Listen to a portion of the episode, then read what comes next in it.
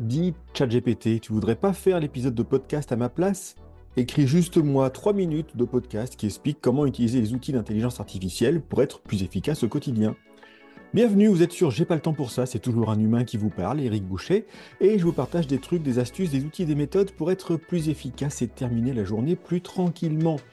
Dans une section sur les outils, on ne pouvait pas passer à côté des outils d'intelligence artificielle et spécifiquement de ceux qui vont nous aider à la rédaction. ChatGPT en étant un, il y en a plusieurs, vous le savez. En trois minutes, vous vous doutez bien que je ne vais pas vous expliquer comment utiliser ChatGPT spécifiquement, mais déjà voir ce qu'il peut faire. Et la boutade en introduction n'en est qu'une à moitié, puisque j'ai quand même poser la question très précisément, est-ce que tu peux me faire un texte sur ChatGPT pour améliorer la productivité et qu'est-ce que ça nous amène? C'était pas impressionnant, ça donne toujours quelques idées, mais c'était pas impressionnant. Je vous les livre quand même ces idées puisqu'il nous a trouvé sept petites choses à discuter. Ça va nous aider à la rédaction, ça c'est plutôt vrai. Gestion des tâches et organisation, ça j'avoue que j'ai eu beaucoup de mal à comprendre comment exactement même si de plus en plus d'outils de gestion de projet, Taskade en est un, Notion d'une certaine manière le fait aussi, vont intégrer des outils IA dans la façon de définir les projets aussi, Todoist le fait aussi. Apprentissage, acquisition de nouvelles compétences, pourquoi pas collaboration, résolution de problèmes. C'est vrai qu'on peut lui donner un certain nombre d'informations, lui faire travailler sur certains modèles et aider à résoudre automatisation de tâches répétitives, que ce soit ChatGPT ou plein d'autres outils qui existent, un Zapier, un Make, il y a plein de possibilités. Développement de prototypes, j'ai eu un peu de mal. Et support technique et résolution de problèmes informatiques, j'ai eu un peu de mal aussi. Donc je me suis retrouvé avec un texte qui n'était pas satisfaisant du point de vue de qu'est-ce que je pouvais vous raconter sur ChatGPT et l'efficacité. Et je me suis souvenu que j'avais déjà fait ce travail finalement, puisque sur le site Outinum, j'ai écrit un article relativement long et assez détaillé qui explique justement comment j'utilise ChatGPT et certains autres outils d'IA dans mon quotidien de formateur. C'est pas toujours que de l'efficacité, mais il y a un certain nombre de points. Et là, on est sur du très concret. Donc, je vous laisserai regarder dans les détails, mais on a effectivement des choses sur l'aide à la conception. Il ne va pas faire le déroulé pédagogique pour vous. Il va même faire des erreurs, mais euh, ça nous permet de trouver des idées euh, améliorer la rédaction de contenu, on en a parlé, c'est vrai que ça va être très utile.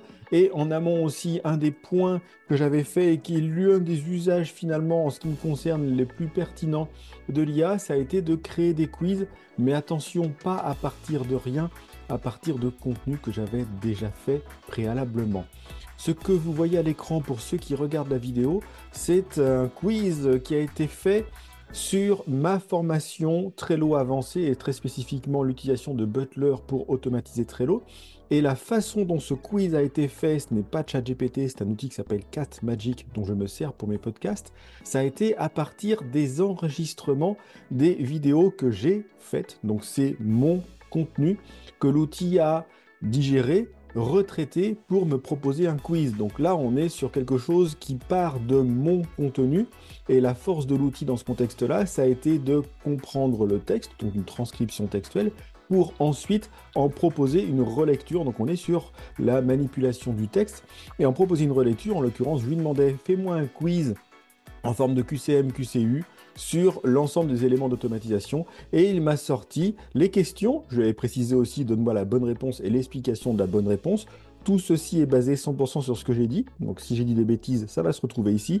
Et euh, bah, ce que j'ai pu constater, c'est qu'on avait à peu près 8 questions sur 10 qui étaient de bonne qualité. Pas toutes, c'est toujours intéressant.